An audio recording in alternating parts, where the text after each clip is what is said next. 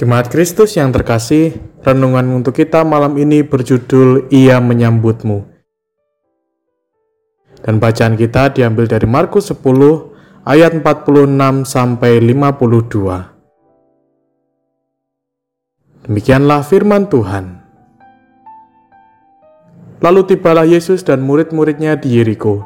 Dan ketika Yesus keluar dari Yeriko bersama-sama dengan murid-muridnya dan orang banyak yang berbondong-bondong, ada seorang pengemis yang buta bernama Bartimius, anak Timeus, duduk di pinggir jalan.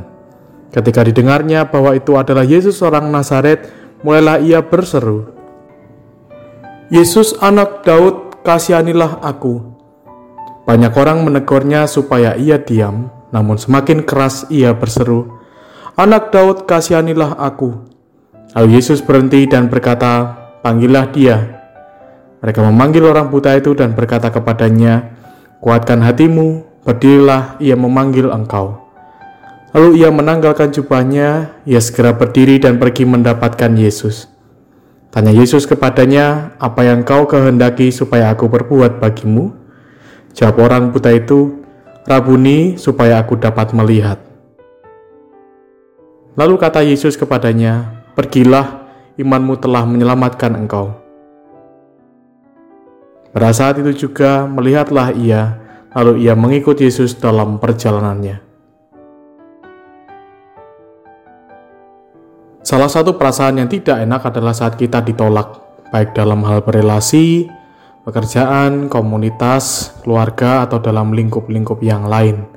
Perasaan tertolak sering memunculkan rusaknya gambar diri dari seseorang. Dampaknya, kita bisa jadi orang yang minder, tak berani tampil di depan umum, dan mungkin bahayanya kita merasa bahwa kita tak lebih baik daripada orang lain.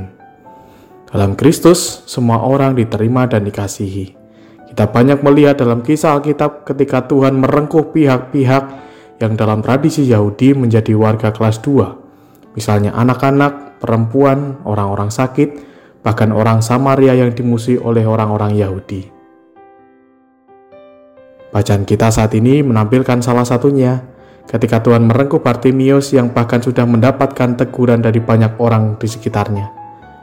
Yang mengejutkan Tuhan tidak seperti banyak orang tersebut. Ia justru mau menerima Bartimius yang benar-benar membutuhkan pertolongan. Dari perjumpaan inilah Tuhan memulihkan Bartimius dan Bartimius mendapatkan kehidupan baru. Lalu bagaimana dengan kita, orang-orang yang sudah direngkuh oleh Tuhan? Apa kita juga mau menerima orang lain? Atau malah kita justru menolak semua orang yang tak kita sukai atau karena kita merasa tak selevel dengan orang tersebut? Dalam hidup kita, kita akan bertemu dengan banyak orang yang beragam. Kita tak dapat sepenuhnya memilih siapa yang akan kita jumpai saat ini dan nanti. Oleh karena itu, marilah kita menyambut siapa pun yang kita jumpai. Tunjukkan kasih Allah dalam kebijaksanaan dan kerendahan hati. Demikianlah renungan malam ini. Semoga damai sejahtera dari Tuhan Yesus Kristus tetap memenuhi hati dan pikiran kita. Amin. Jemaat yang terkasih, mari bersatu hati menaikkan pokok-pokok doa yang ada dalam gerakan doa 21 GKI Sarwa Indah. Mari berdoa.